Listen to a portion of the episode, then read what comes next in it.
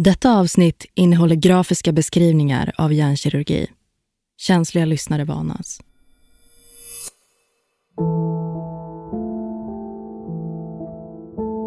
Det är tidig gryning när det hummande ljudet från stimulatorn slås av.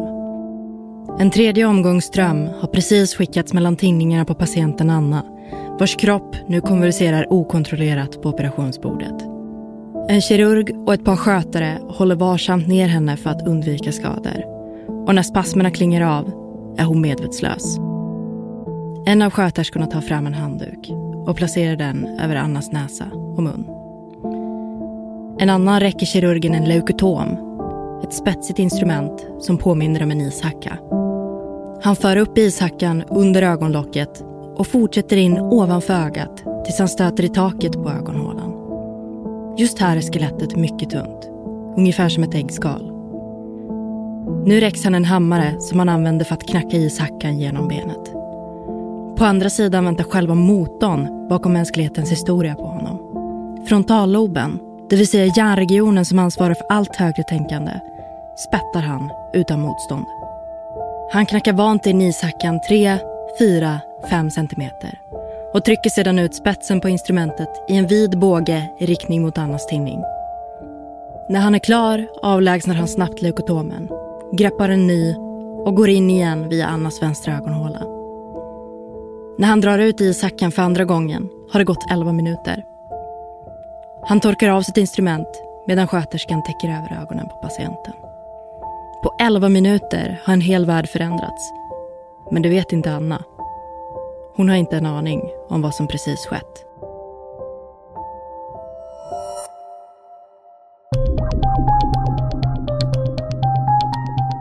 Du lyssnar på Sinnets historia med mig, Michelle Jerko. Och mig, Jonas Nordin.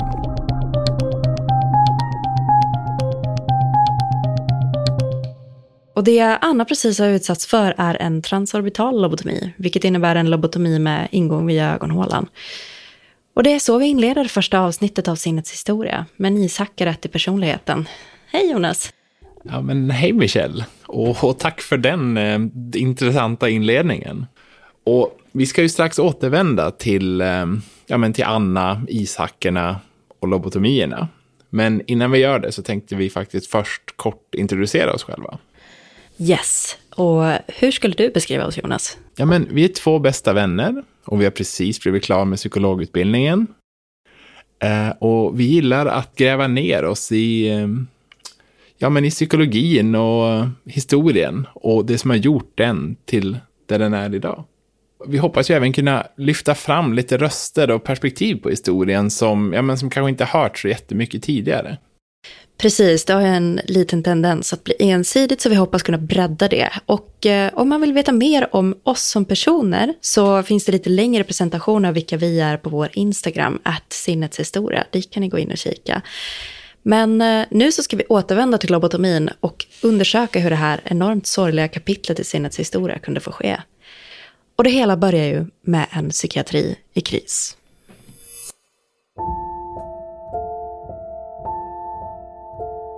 Lobotomi. Idag väcker namnet på ingreppet skräck och fascination. För många är det synonymt med psykiatriska övergrepp och rädslan över att förvandlas till en stympad zombie. Men för ett sekel sedan var lobotomin startskottet på en revolution. Medicinen hade lyckats demonstrera att olika hjärnregioner ansvarar för olika funktioner.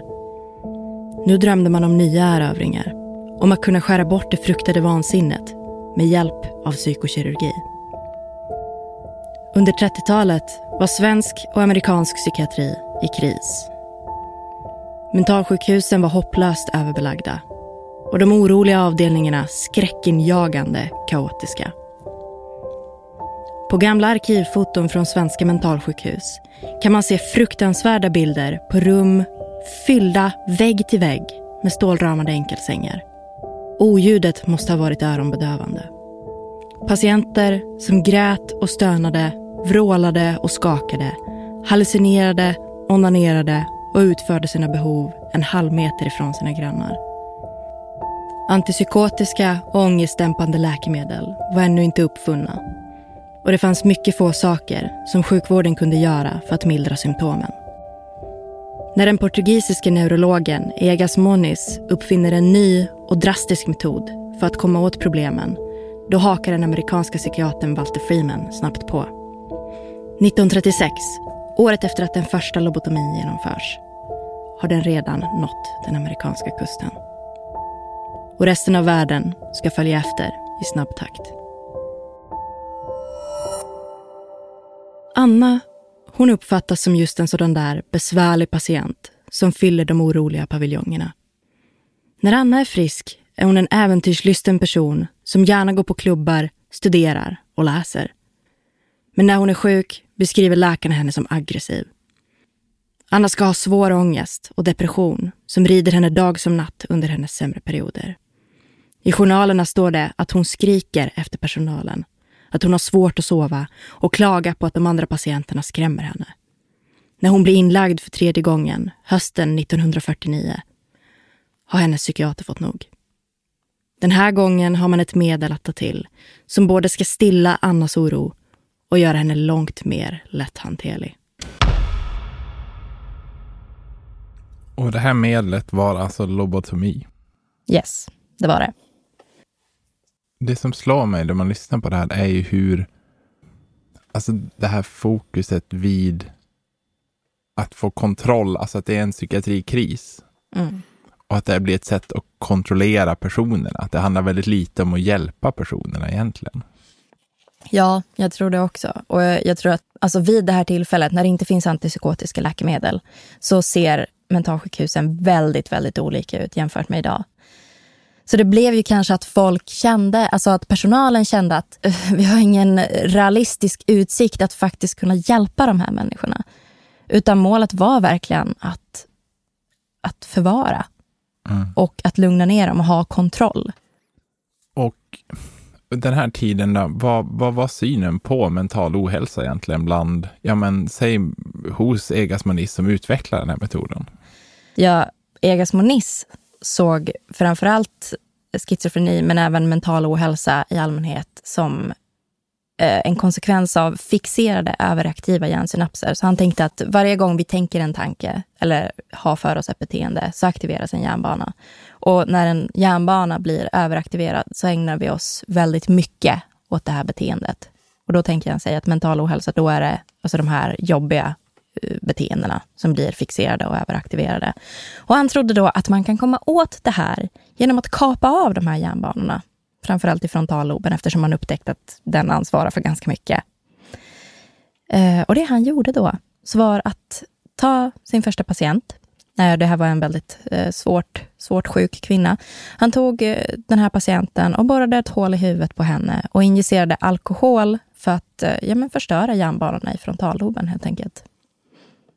Så det är alltså, så hans tanke, tankebana någonstans är, okej, okay, överaktiva hjärnsynapser, vad gör jag? Jag borrar ett hål och häller i alkohol och så ser vi om det löser problemet. Det känns som det var ungefär hans process. Ja, det var, det var liksom kontentan. Yes. För att alkohol, eh, det, det, sker en viss grej med vit hjärnsubstans när man häller på alkohol och det liksom stelnar och ja, cellerna dör ju.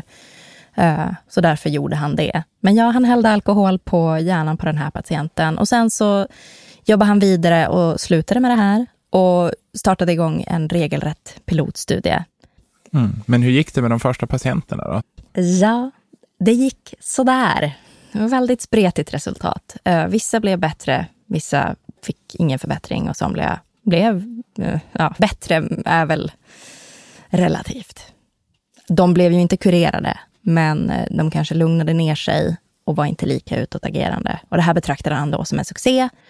Eh, och det här presenterade han, eh, jag har för mig att det var på en, någon slags så här, psykiaterkongress som han presenterade det här och folk var inte jättetaggade på idén. Men sen kommer Walter Friman. Walter Friman är en, vad ska man säga, en forskarromantiker som liksom drömmer om att revolutionera världen med, med någon typ av ingrepp då, som ska hjälpa, hjälpa alla och det ska ordna sig och han ska få ära och berömmelse och hela kittet. Eh, och han tycker att den här metoden låter mycket, mycket, mycket lovande. Så han släpar med den hem till sitt Amerika Eh, så folk, och folk gillar inte mental ohälsa. Folk med mental ohälsa har väldigt dålig status. Så man är ju liksom benägen att, att ta till sig den här metoden. Det finns kritiska röster, men de tystas snabbt för att det här blir verkligen en grej. Den nya, nya moderna tekniken som ska råda bot på hela den här akuta situationen på mentalsjukhusen. Så en väldigt enkel lösning på ett svårt problem som då sprids av Walter Freeman framför allt ja. i USA. Precis. Och det är nog han faktiskt också som triggar igång att det blir en sån grej världen över. För att då har han olika eh, professionella bekantskaper då, som, som även kommer till USA och lär sig. Eh, och som sen tar det här vidare. Och när kom det då till Sverige? För i Sverige hade vi också lobotomier. Ja, vi var faktiskt i topp med lobotomier sett till per invånare så att säga. Eh, och till Sverige så kommer lobotomin 1944 Gösta Norlén håller i ishackan när 44 kvinnor och fyra män opereras. Man kan ju reagera på andelen män och kvinnor där och det kommer vi återkomma till för det är otroligt många kvinnor som lobotomeras. Ja, man kan verkligen reagera på den könsfördelningen. Också på formuleringen Gösta Norlén höll i ishackan. Jag tror dock inte han... Faktiskt så tror jag att eh, i Sverige så tror jag inte man använder den här transorbitala metoden, utan man använder den här borra två hål i huvudet och sticka in andra typer av verktyg. Men det är ju samma princip. Jo, men vi är ju trots allt humanister. Så jo, vi, vi kör på borren över ishackan. Det finns faktiskt klipp på Youtube om man mot förmodan vill se hur det här går, eh, går till. Så det kan vi länka till för den tekniskt intresserade. Jag tror jag avstår, ja. men eh, länken, länkarna finns där. Länkarna finns. Uh, ja, men i vart fall så kommer de igång ordentligt i mitten av 40-talet i Sverige och då så är det faktiskt Umedalen som ligger i absolut topp. Uh, och vi, jag och Jonas pluggar ju alltså i Umeå och Eh, har nära till Umedalen och har varit i Umedalen på olika ärenden. Och det är alltså ett gammalt mentalsjukhus som sen har gjorts om till en massa annat. Och back in the day så jobbar de väldigt hårt med sina lobotomier. Det var en kort period, men då hann man operera 770 patienter. Och man tänker också så här, alltså just den här kombinationen av liksom en psykiatrisk vård i kris med överbeläggning och liksom att man, har, man vet inte vad man ska göra. Och man har något som kanske börjar som något man använder då man inte, man tycker man uttömt alla andra alternativ. Men det var väl också så att det spred sig till att bli något man använde på flera olika diagnoser.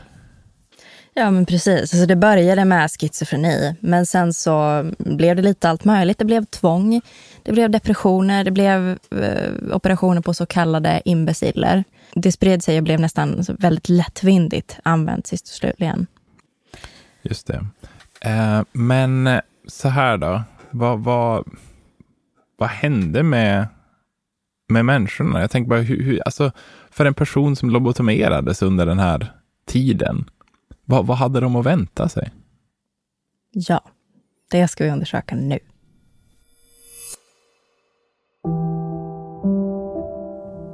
När Anna vaknar upp är inget som förut. Hon minns inget som hänt innan operationen och hon lyckas inte samla tankarna. Hon känner sig trött, vimsig och konstig. Men läkaren som besöker henne på ronden försäkrar att detta är övergående och att allt sammans strax ska bli bättre. Men det blir det inte. Inte för Annas del i alla fall. Hon känner sig fortfarande ledsen och deprimerad men hon orkar inte göra utfall som förut. Hon lyckas inte tänka. Flickvännens brev svarar hon inte på längre. Nu bryr hon sig mest om att äta och plocka med sin stickning. Anna har plötsligt svårt med att minnas det som hänt för ett ögonblick sedan. Och hon börjar skratta vid helt fel tillfällen. Hon är apatisk och personalen får hjälpa henne att äta och klä på sig. Men snäll och lättskött är hon ju nu. Året är 1949. Samtidigt som Anna anpassar sig till sin nya hjärna tilldelas Egas Monis Nobelpriset för sin storslagna medicinska upptäckt. Under tiden i Sverige dör cirka 17 procent av patienterna som lobotomeras vid Umedalens sjukhus. Vad tänker du Jonas? Då du beskriver det här liksom med fallet Anna, någonstans att utifrån, från vårdens perspektiv eller mentalsjukhusets perspektiv, ja men då ser det ut att ha gått ganska bra. Men samtidigt från annars perspektiv så är det som att hela hon har liksom försvunnit. Ja, det är ju otroligt läskigt. Just det här att, att det upplevs och betraktas som en framgång. För att det blir liksom funktionellt lättare för alla andra. Men eh, Annas eget själsliv så tar man inte hänsyn till alls. Det blir en väldig skillnad mellan det som syns utåt och det som händer inuti.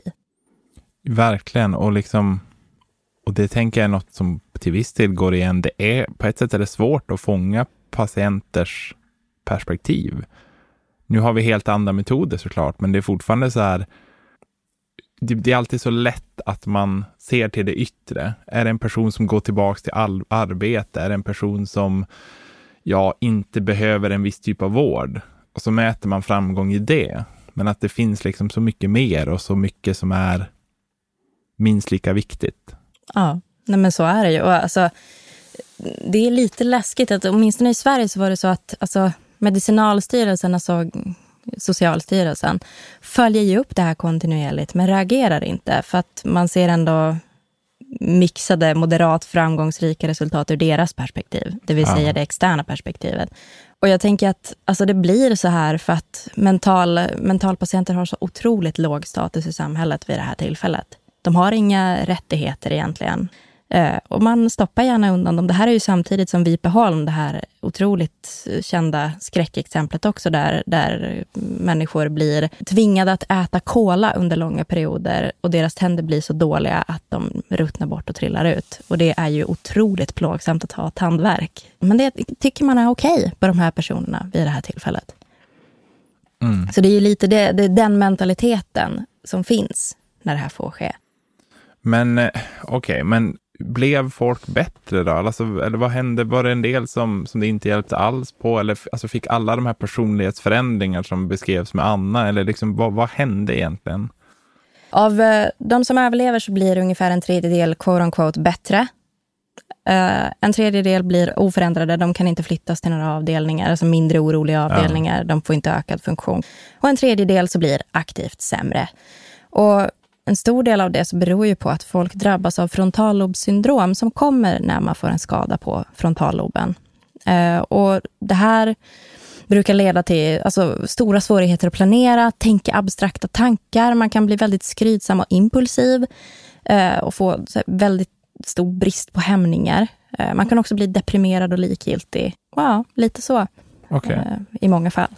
Men jag har en till fråga och det är ju så här, vi har pratat lite om kanske vilka diagnoser och vi varit inne lite på att kvinnor lobotomerades i högre grad än män. Men fanns det några andra liksom, mönster i vilka som blev lobotomerade? Ja, det fanns det. Uh, och vi skulle faktiskt kunna dyka in lite i det. För att om vi börjar med kvinnor, mm. så är det, det är viss, viss majoritet män på mentalsjukhusen. Men kvinnor är fortfarande 60 procent av dem som lobotomeras under den här tiden. Och i, i Frankrike och Schweiz och Belgien, så där är det ännu värre. Där är det 84 procent av de som opereras som är kvinnor. Man har väldigt, väldigt lite tålamod för våldsamhet, alltså utåtagerande, vad ska man säga, rowdy behavior hos kvinnor. Helt annat tålamod för män jämfört med kvinnor när det kommer till den typen av beteende. För det associerar man inte med en kvinna.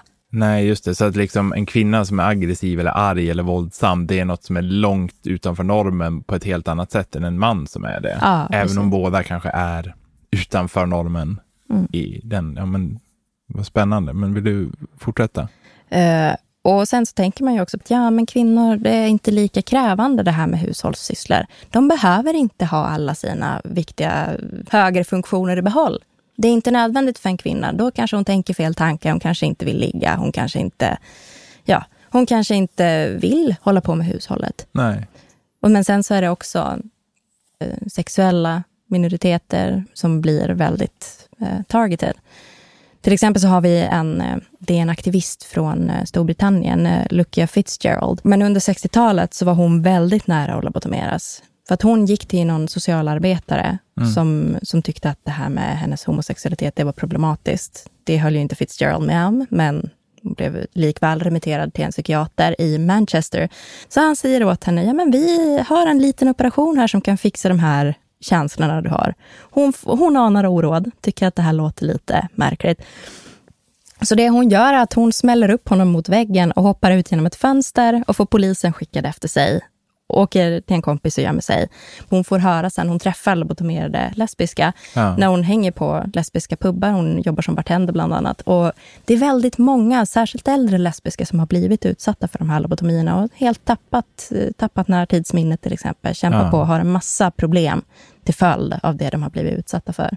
Så igen det här hur, hur ju mer avvikande från normen man är, ja. desto större chans var det. Och, ja. och desto liksom mer beteenden som ja, de ansvariga inte förstod eller accepterade och så vidare.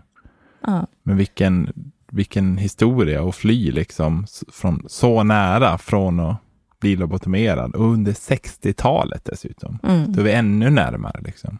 På tal om 60-talet så är det fortfarande afroamerikaner i USA som blir utsatta för det här lobotomihotet under 60-talet. För där, där så har man utvecklat någon slags tanke om att eh, psykokirurgi, alltså lobotomi det vill säga, det kan man använda mot problem med eh, hjärnans fungerande. Så man hävdar att det är då om det blir upplopp eller om afroamerikaner inte känner sig bekväma med att de har det riktigt dåligt ställt under 60-talet. Då, då tycker man att det här bråket, det beror på hjärndysfunktion och att det kan man lösa genom lobotomier. Ja, men du, nu har vi pratat en del om konsekvenserna av lobotomi, hur det blev för patienterna, vilka som lobotomerades. Mm. Men alltså hur kom det sig att hur kom det sig att man slutade? Att man fick för sig liksom att nej men okej, det här med att borra hål eller köra upp ishackor i näsan på folk. Det, ah, vi kanske ska lugna oss med det. Vad, hur gick det till egentligen?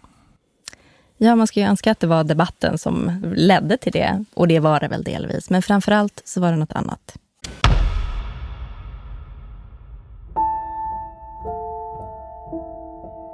Annas lobotomi betraktas som en framgång. Några månader efter operationen skrivs hon ut och får bo hos sin moster som hon ständigt glömmer namnet på. Hushållssysslorna sköter hon exemplariskt, men böckerna rör hon aldrig någonsin mer. Hon har svårt att hänga med i samtal och hon syns aldrig mer ute i stadens nattliv. Ibland springer hon in hos grannen mitt i middagen. Ibland skrattar hon utan att någon riktigt vet varför. Men Anna kan trots allt skatta sig lycklig. Många obduktioner har visat att leukotomen ofta stacks fel och gjorde omfattande skada på hjärnområden som inte alls skulle röras. Somliga, som den amerikanska presidentfamiljen Kennedys äldsta dotter Rosemary, fick sin hjärnkapacitet nedsatt till en tvååringsnivå. Hon kunde inte längre prata eller gå efter sitt ingrepp. Anna och upp till 100 000 andra personer världen över har blivit någon annan innan lobotomivågen ebbar ut. När de antipsykotiska läkemedlen kommer under 50-talet medför de en riktig revolution. Nu kunde man plötsligt öppna upp de låsta avdelningarna. Rehabiliteringen började fungera och många patienter kunde skrivas ut från avdelningarna. Människor kunde nu lindra sin ångest utan att hållas fjättrade mot sin egen vilja, läggas i koma eller få sina hjärnbanor avskurna. Amerikanske psykiatern Walter Freeman får sin licens indragen efter att han tagit livet av sin sista lobotomipatient år 1967. Egas Moniz blir skjuten av en patient och förbinds till rullstol under resten av sitt liv. En på många sätt mörk era har nått sitt slut. Eller hade den det? Lobotomin och den ikoniska ishackan försvann. Men psykiatrin var faktiskt inte helt färdig med psykokirurgin. Den pågår världen över, än idag.